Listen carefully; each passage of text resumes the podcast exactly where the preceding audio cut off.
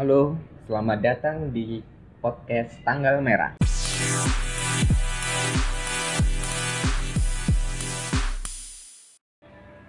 Yap, eh, kembali lagi di channel Tanggal Merah.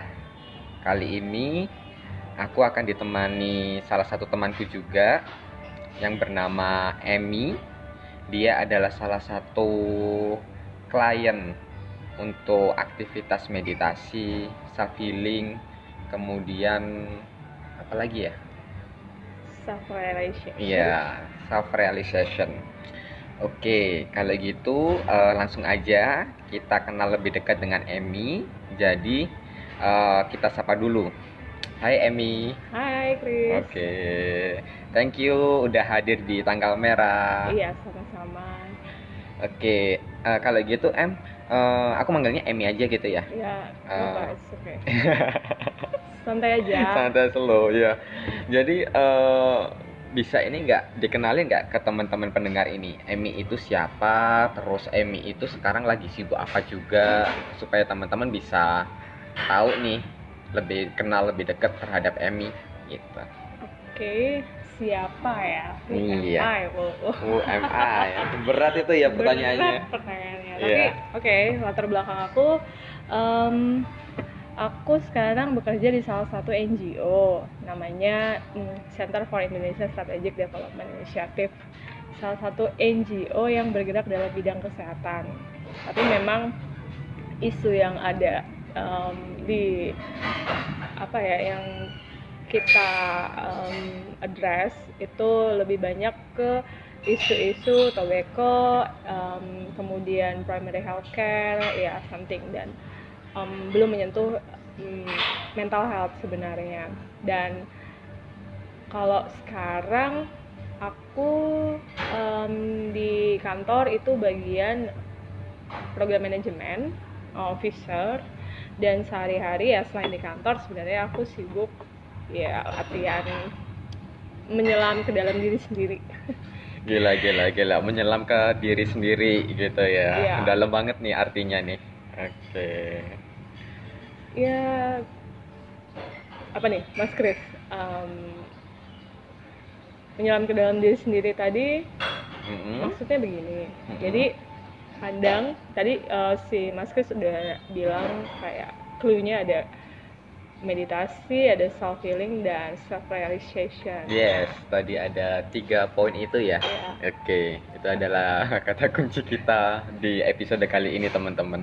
ya kayak apa sih itu barang apa sih mungkin bagi teman-teman yang em, mulai familiar dengan tiga hal ini em, cukup tahu tapi bagi teman-teman yang belum tahu mungkin aku akan berbagi dari ya em, sudut pandang aku sebagai eh, klien atau ya apa ya pasien kalau istilah medisnya adalah pasien Pasien, tapi lebih lebih tepatnya klien mungkin ya. Ya, ya, ya.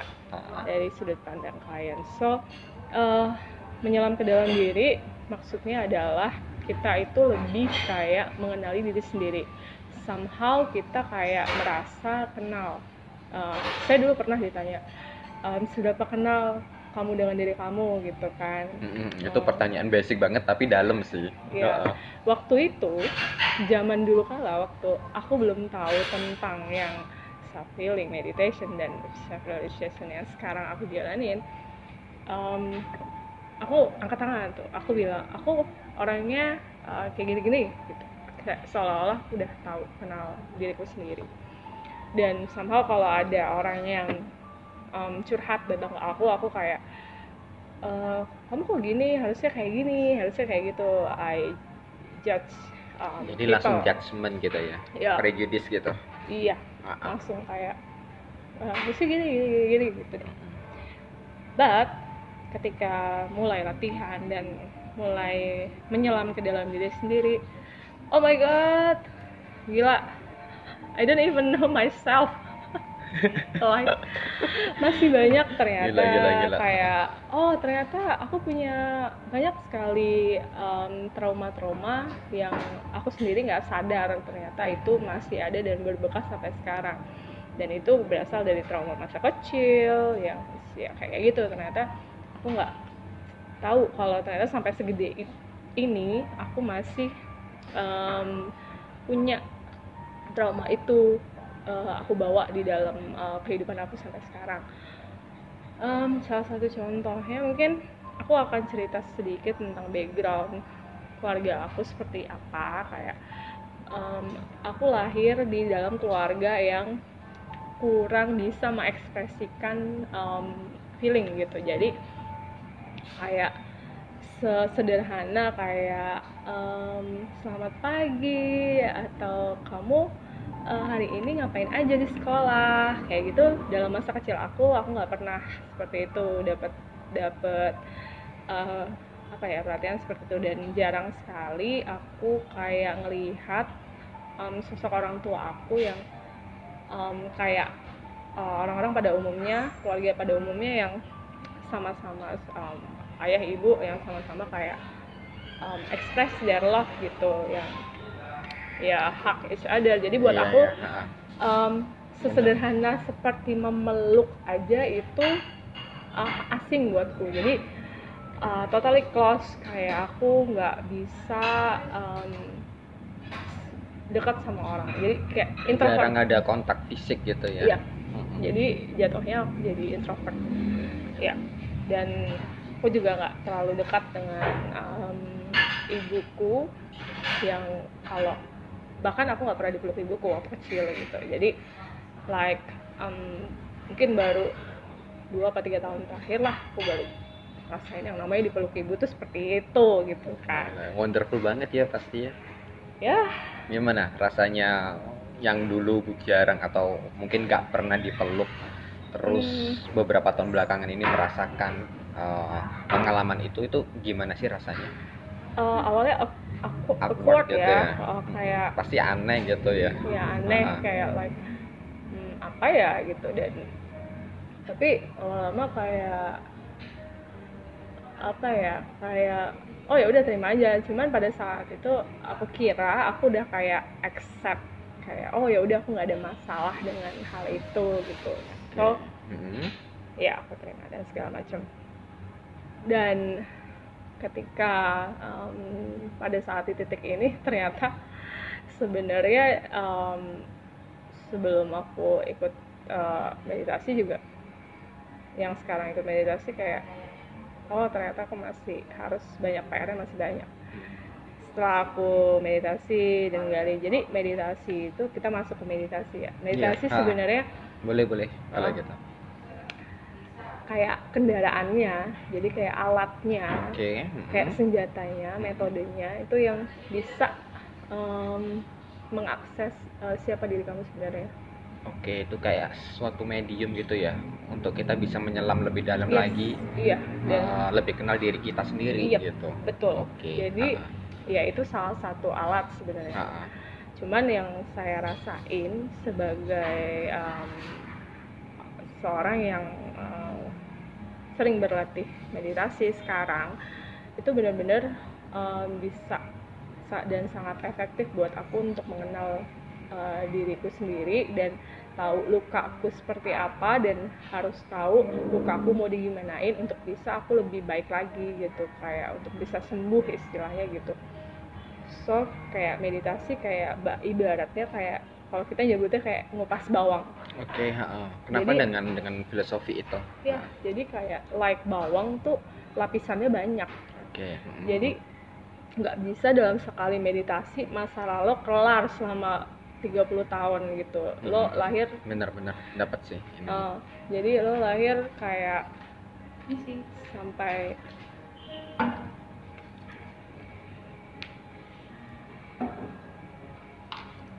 oke thank you mbak ya sampai lo kayak eh, segede gini nggak bisa lo kelar masalah seluruh hidup lo dengan satu kali meditasi gitu. So kayak eh, kalau bawang kayak layer demi layer kebuka layer pertama ya sampai akhirnya di dalam. Bener-bener di dalam. Dan itu yang ternyata dirimu nggak sadarin gitu. Kalau oh my god aku pun bahkan nggak tahu kalau ada luka itu gitu. Yang kita nggak pernah tahu. Dan itu ya aku dapetnya dari meditasi gitu. Oke, jadi eh, kalau boleh aku explore lebih dalam gitu ya. Jadi tahapan awalnya lu eh, memutuskan meditasi karena lu udah mulai sadar nih bahwa lu ada problem di dalam diri lu sendiri. yes dan pada saat itu aku mulai bera- berada dalam titik yang low low Mm-mm. banget sampai aku bertanya pada diriku sendiri sebenarnya aku di dunia ini mau ngapain Oke, jadi mulai dari pertanyaan itu ya. Iya.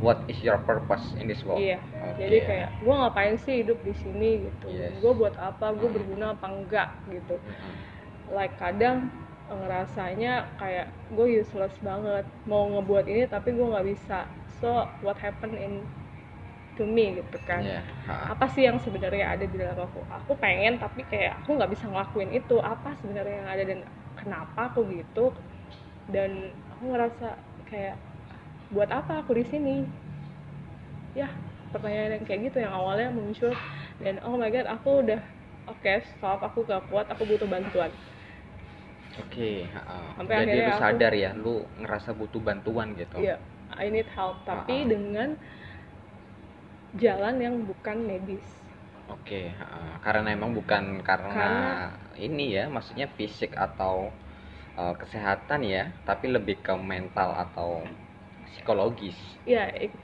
jadi emang kenapa nggak jalan medis karena aku ngerasa ini bener-bener em, udah di psikologis aku dan sebenarnya udah ngefek ke fisik gitu jadi masalah sakit fisik ada beberapa part yang aku em, sakit tapi udah periksa dan em, dokter bilang nggak apa-apa gitu Tapi uh, you feel pain gitu ya in in that area. Iya, Oke. I felt painful, Ha. bener-bener yang sakit, tapi dokter bilang nggak apa-apa dan Oke, sampai segitunya ya. ya dan Hmm. oke, ini apa gitu dan em, itu terus pertanyaan itu terus terus ada gitu. Ya, akhirnya oke, aku memutuskan tadi aku kayaknya butuh bantuan yang non medis. Mm-mm, mm-mm, Aku berlatih lagi meditasi mm-mm. dan akhirnya aku ya eh, menemukan itu tapi ya tadi nggak hanya dalam semalam Iya, aku benar. bisa menemukan akar dari itu. Akar dari apa sih yang menyebabkan aku sakit seperti itu dan apa yang menyebabkan aku sampai berada dalam titik em, terendah itu gitu. Oke, jadi lu fokus untuk dealing terhadap diri lu sendiri gitu ya. Sebelum lu pengen eh, apa ya mengenal diri lu lebih jauh lagi gitu. Jadi lu mencoba untuk menyelesaikan satu persatu eh, trauma atau sisa-sisa pengalaman masa lalu gitu. Iya, jadi aku waktu itu kayak ngerasa ini nggak bisa hanya di permukaan. Yes. mhm. Aku harus mengatasinya dari akar. Mhm, mhm. Dari root. Ya, apa sih? Karena aku terus bertanya kenapa ya? Eh, apa sih? Aku pengen gitu tapi kenapa nggak bisa? Kayak struggle di dalam itu loh. Jadi kayak ya mungkin di antara kalian pernah mengalami itu yang struggle antara hati dan pikiran yang kayak aku mau ini tapi aku mau ini tapi kayak gitu gitu Tapi ada yang nahan kita Iya, gitu ya. tapi ada yang nahan gitu. Ah, ah, apa ah. sih sebenarnya gitu dan ya em, karena kita juga diajari yang namanya jadi tempat aku meditasi namanya Golden Space Oke, Golden Space. Iya, Ah, itu jadi- komunitas ya. sebenarnya itu startup Mhm. tapi mm, awalnya di Singapura tapi sekarang udah di Indonesia dan beberapa di negara-negara lain kayak Malaysia, Australia, Europe, Vietnam, um, Hong Kong sekarang ada Dubai dan macam. Um, jadi um, si Golden Space ini memang um, mengajarkan kita bagaimana bukan hanya meditasi, Mhm. tapi bisa uh, tagline-nya ada tiga transformation, meditation, healing. Oke, ada tiga step itu ya, transformation, Tiga. meditation, and healing. Iya. Oke. Jadi um, untuk healing bisa kita healing kita harus mentransform bertransformasi dari segala um, apa ya kesakitan-kesakitan kita itu jadi suatu hal yang lebih positif. Karena konsep yang kita tahu ya um,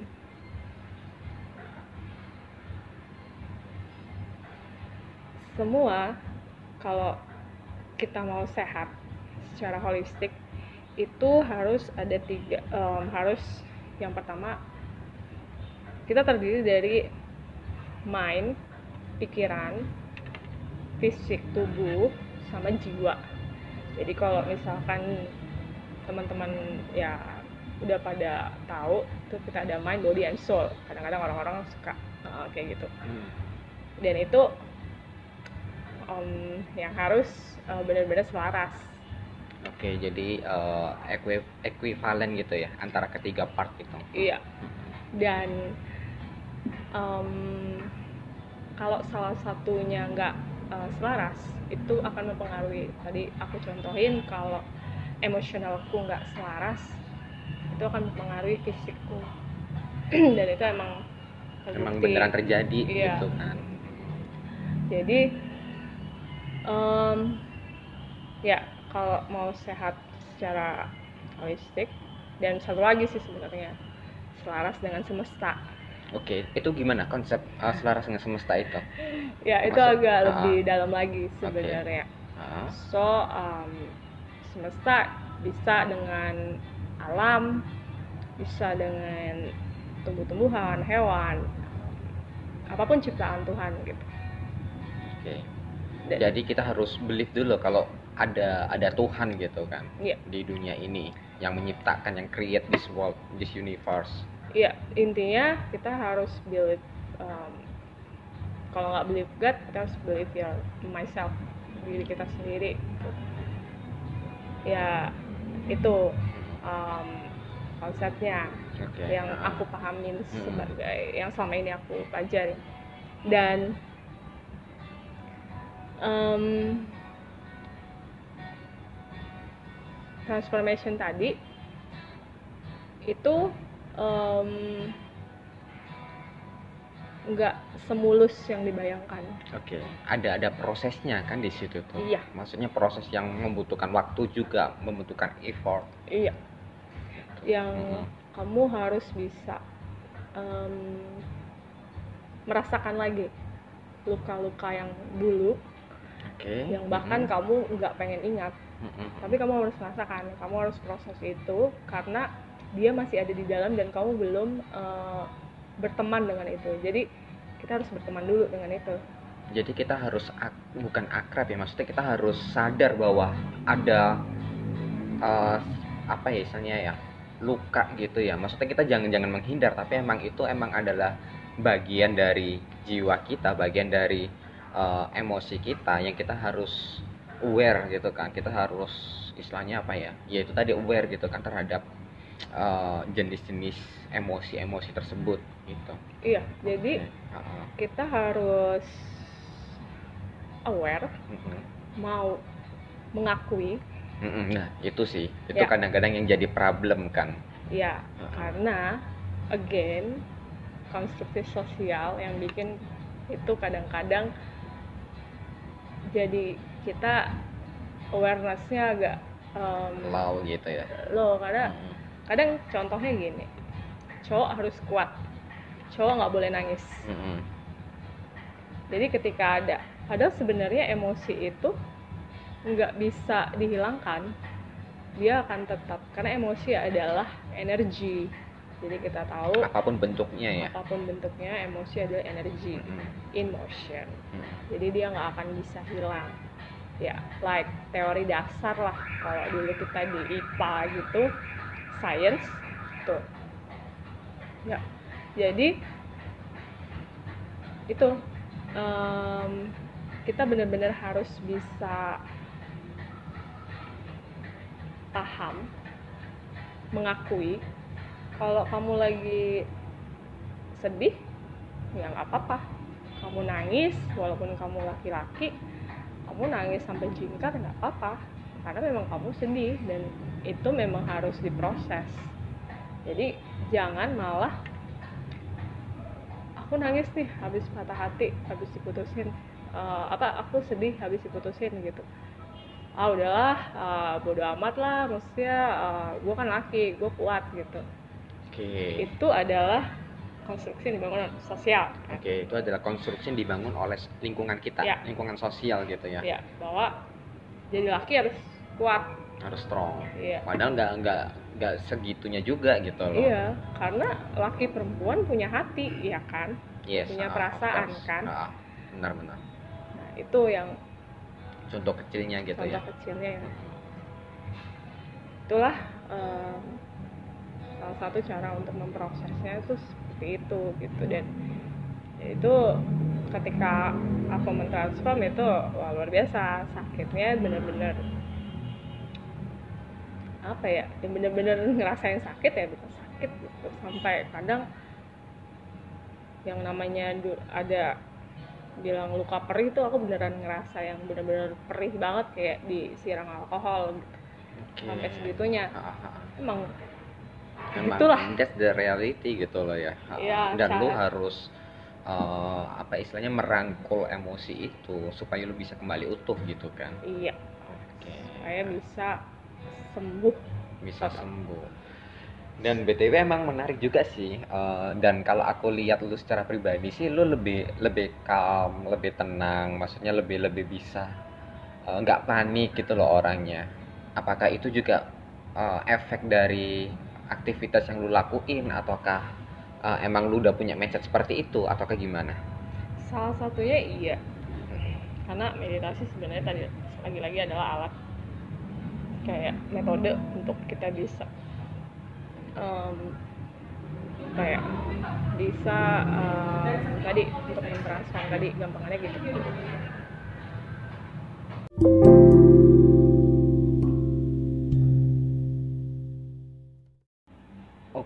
jadi ada hubungannya ya tadi ya kalau gitu. Terus aku penasaran nih eh, bedanya antara meditasi dengan self healing itu apa sih? Hmm, Ada beda nggak atau atau ini eh, beda definisi aja gitu, tapi pada intinya sama. oh ya it's part self healing sebenarnya sih jadi Oke, mm, em, kendaraannya bisa dengan meditasi. Jadi dalam meditasi kita juga sebenarnya menghealing diri kita sendiri juga gitu. Yang tadi ketika aku sebutin sebelumnya gitu dengan mengakui em, perasaan kita mau apa aware aware dan mengakui dan mau merubahnya Oke. ah. Terus aku penasaran nih kalau setiap ini kan dari pengalamanku pribadi gitu loh ya. Eh, apa namanya setiap kali wawancara atau interview atau mungkin pas waktu ada kayak eh, training tentang human development pasti kita pada saat sesi pertama kali kita ditanya siapa sih diri kalian? Kan kayak gitu kan. Dan kita jawabnya pasti eh, secara in general ya nama terus habis itu latar belakang dan eh, pekerjaan atau profesi kayak gitu. Nah aku pengen mengulik atau mencoba cari tahu sih eh, bagaimana cara kita tuh bisa mengenal diri kita lebih dalam lagi gitu loh. Eh, maksudnya beyond dari perkenalan atau introduction yang secara general kita tahu gitu. Jadi kita kita benar-benar tahu bahwa ini ini adalah diri kita sebenarnya gitu loh. Bukan bukan yang fake atau memakai topeng A atau B tapi emang benar-benar eh, kita tahu secara dalam dan luar diri kita itu seperti apa gitu Hmm, ya. Ya sebenarnya ketika interview ya nggak salah juga ya, Iya, Mas iya, Chris. iya. Ketika ditanya ya siapa diri anda, Iya, kita iya. ditanya Kalau- nama saya ini, Benar, benar. nama Ah. saya tinggal di mana. Ah. ya. Nggak mungkin kita langsung iya bilang iya langsung. iya mega banget sih pertanyaanku Nggak, it's not um, Iya. like it's not a stupid question sih, just like it- itu nggak salah kalau kita jawab kayak gitu. Memang pada saat itu kita berada dalam proses yang mengenal diri kita yang seperti itu. Nah, tapi ketika mau kita mau untuk mengenal diri kita lebih dalam lagi, tadi prosesnya adalah kita mengizinkan diri kita sendiri untuk mau untuk mau kenapa saya bilang uh, untuk mau karena nggak semua orang kayak punya willingness untuk mau mengenal diri sendiri ya like ya tadi banyak lah hal-hal hmm, berperan dengan ego dan segala macam. Nah kalau ngomongin soal ego itu nanti lah um, akan panjang gitu. Ya dan ketika mau dan percaya itu akan mudah masuknya dan um, akan berproses setelah itu itu akan sangat um, gampang untuk bisa mengenal diri sendiri. Tapi ya itu tadi kita mau dulu nih. Sejauh mana nih kita mau okay. mengenal diri kita sendiri? Pertanyaannya itu sebenarnya. Jadi dari willingness ya. Tapi selain dari itu ada nggak uh, apa ya obstacle gitu atau hambatan atau halangan untuk kita bisa mengenal diri kita lebih jauh? Oh jelas. Uh -uh. banyak hambatannya. Um, salah satunya yang tadi kadang kita udah mau berproses teman yang bilang kok kamu gini sih orangnya. Okay, konstruksi like, sosial ya. sosial okay. lagi kayak um, dan kadang memikirkan omongan orang lain gitu ya.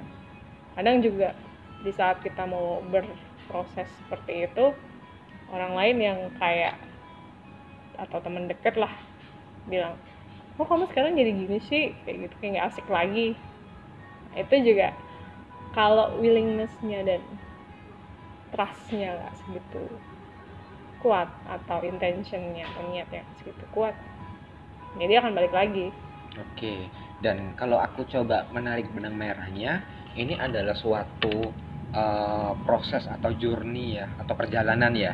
Tapi bukan bukan bukan bukan uh, bukan goals tapi ini adalah kayak perjalanan. Jadi emang butuh proses butuh waktu uh, butuh konsistensi. Itu ya. yang paling penting dalam proses untuk mengenal diri kita sendiri ya benar banget mas Chris jadi emang kita butuh willingness butuh komitmen iya itu itu sulit itu ya. sangat um, kunci sangat dasar kunci kalau memang benar-benar mau mengenal diri kita sendiri. Um, karena kita juga diuji kayak tadi itu. Nah kalau komitmennya nggak kuat terusnya nggak kuat dan willingnessnya juga nggak segitu kuat ya itu tadi. Tapi aku ngerasa the best invention in human history itu adalah keep asking. Jadi kita tuh selalu bertanya selalu mengeluarkan apa ya pertanyaan-pertanyaan walaupun pertanyaan itu ter, terkesan kayak silly gitu tapi kita selalu uh, di drive oleh rasa uh, apa ya rasa keingintahuan. Iya keingintahuan yang tinggi. Itu kalau menurutku adalah uh, bisa nggak itu dikatakan sebagai salah satu cara untuk mendevelop diri kita agar kita itu bisa berubah atau menjadi lebih baik lagi gitu sejauh, dari sisi self healing dan self realization sejauh yang aku pahamin ya memang semuanya bermula dari question question oke okay. juga bermula dari situ uh -uh jadi, jadi terlepas dari status quo ya jadi iya. uh, kita harus memang benar-benar mau terlepas dari zona nyamannya kita masing-masing iya kita hmm. memperlebar zona nyaman hmm. Memperlebar bukan bukan keluar ya? Memperluas memperluas nyaman. ya. dan uh-huh.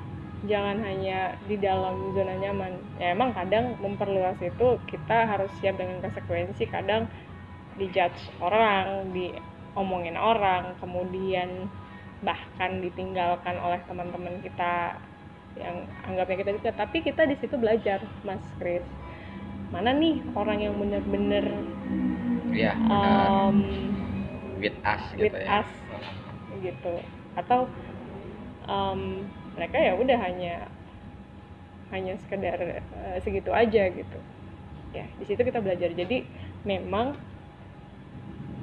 kita nggak akan pernah berhenti belajar untuk mengetahui siapa diri kita dan um, karena itu adalah part of our life gitu. Oke, jadi itu bukan bukan suatu tujuan balik lagi ke tadi ya, tapi emang perjalanan kita ya mungkin uh, selama kita hidup gitu ya kita terus akan keep questioning gitu kan dengan mungkin pertanyaan yang berulang tetapi dengan sudut pandang yang berbeda gitu. Oke. Um, kira-kira ada nggak ini mungkin eh, tips trik gitu untuk teman-teman yang mungkin awam terhadap dunia meditasi self healing itu supaya mereka bisa lebih mudah untuk apa ya entry that that eh, that area that du- eh, dunia meditasi gitu. Gimana sih caranya mereka biar bisa ini bisa lebih mudah gitu kan? Soalnya kan kalau aku tangkap kan tadi kan agak susah tuh maksudnya bermula dari trauma terus habis itu lu eh, ngerasain rasa sakit itu semua habis itu baru lu ngerasa lu butuh bantuan habis itu lu cari suatu media atau organisasi yang bisa membantu lu keluar dari rasa sakit itu sendiri gitu. Kalau buat orang-orang yang awam gitu loh maksudnya yang yang apa ya ya buat orang-orang yang awam biar bisa mereka mengarah ke ke arah sana gitu. Ya dia harus bisa self aware dulu ya maksudnya emang.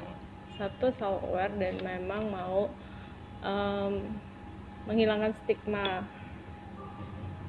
tentang apa itu meditasi. Mm-mm, oke. Karena kalau masih ada kayak stigma tentang meditasi ya bagaimana mau join gitu kan mau memulai gitu. Benar-benar. Itu harus bisa dipahami bahwa sebenarnya kadang um, yang kebanyakan meditasi itu apa? Meditasi itu kayak memusatkan pikiran dan segala macam. It's uh, it's not a meditation sebenarnya gitu. Tapi orang-orang masih menganggap itu um, like menakutkan scary dan belum belum uh, bisa mendapat uh, apa ya esensi dari meditasi itu sendiri. Jadi harapannya dengan dengan informasi yang sebanyak ini sebenarnya um, bisa bikin teman-teman bisa lebih aware sih tentang dan meng, apa ya jangan ada ini ya mental Ya. block dulu terhadap Iya, meditasi gitu jangan loh. ada perspektif negatif dulu Ah, ah. tentang meditasi karena Benar, sebenarnya meditasi bukan suatu hal yang menakutkan itu sangat-sangat membantu kalian kayak gitu sih dan ya gitu Ya. mas Chris Oke.